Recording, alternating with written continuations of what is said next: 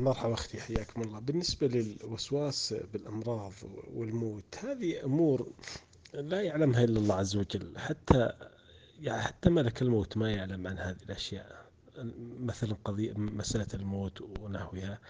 والأمراض من علم الغيب. طبعا الشيطان حريص على أن يدخل الحزن والخوف على قلب المسلم المؤمن. فيوسوس له سيصيبك مرض كذا وسيصيبك مرض وأنت تخاف من مرض كذا وتخاف. كل هذه الأشياء يعني خرافات يعني وأكاذيب من الشيطان. كما قال تعالى إنما ذلك ذلكم الشيطان يخوف أولياءه يعني يخوف بأوليائه وبالمصائب وبالأشياء سيحدث كذا وسيحدث لك كذا وسيحدث لك. ولن يحدث من ذلك شيء ولن يحدث من ذلك شيء. يعني وساوس مهب جديدة عليك وأنت لا زلت لله الحمد طيبة ولا تشتكي مرض وستستمرين على ذلك. طبعا ولم تفقدي أهلا ولا ولدا بإذن الله عز وجل. هذه الأمور من علم الغيب لا يعلمها إلا الله عز وجل لا يعلمها إلا الله. قال تعالى قل لا يعلم من في السماوات والأرض الغيبة إلا الله. يعني ما يعلم أحد الغيب إلا الله عز وجل.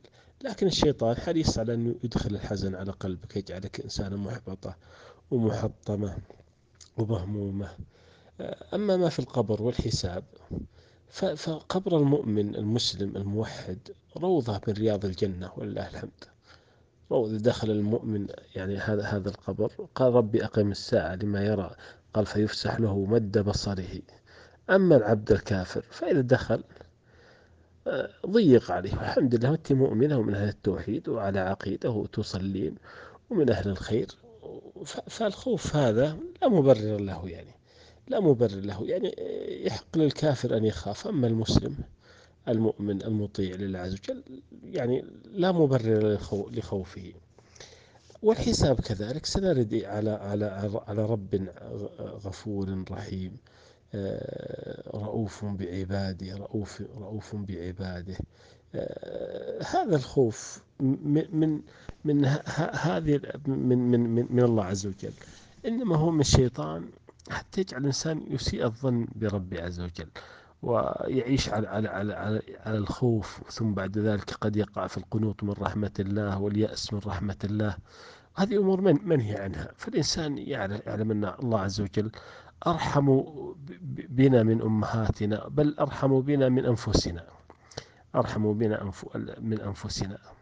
يعني ورد في الحديث أن امرأة من السبي وجدت طفلا لها تبحثت عنه طاح ضاع منها في المعركة. فوجدته فوضعته على صدرها والنبي صلى الله عليه وسلم يراقب هذا المشهد. قال نظر إليها والصحابة ينظرون قال الله أرحم بعباده من هذه بولدها. فهذا الخوف كله من الشيطان.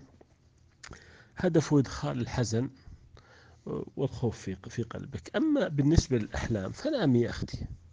نامي تعوذي بالله من الشيطان ولا تخافي. كل الأحلام اللي المخيفة التي يخاف يخاف منها الإنسان هي من الشيطان. ورد في الحديث قال إذا رأى أحدكم ما يكره قال قال فلينفث عن يساره ثلاثا يقول ينفث على على كتفه الأيسر. نفخا هواء كذا. ثلاث مرات قال فإنها لا تضر.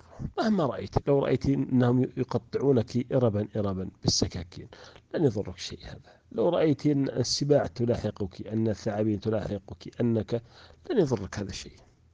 لا تحدثي بها أحدا ولا تهتمي لها أي أي حلم اشترينه تخافين منه تستيقظون أنت خائف ترى من الشيطان هذا لا تهتمي به ولا تبحثي عن تعبيره ولا غير ذلك. المهم أختي اطمئني اطمئني.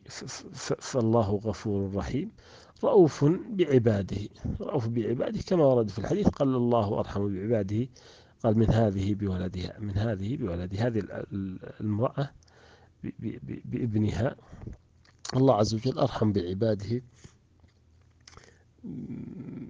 من هذه المرأة. وقال أيوب عليه السلام في سورة الأنبياء قال قال ربي أني مسني الضر وأنت أرحم الراحمين.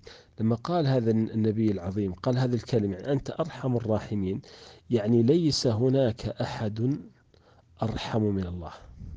قال وأنت أرحم الراحمين أرحم الراحمين. والأنبياء هم أعلم الناس بالله عز وجل. فهذا الخوف لا مبرر له هذا هدف الشيطان أنه يجعلك تعيشين الهم والحزن والغم والنكد وتنقلب حياتك إلى إلى إلى إلى إلى إلى إلى حياة صعبة أو جحيم أو كذا أو نحو ذلك. فاطمئني واستبشري والحياة جميلة. فلا فلا تنكدي صفوها بهذه بهذه الهموم والغموم. والله أعلم.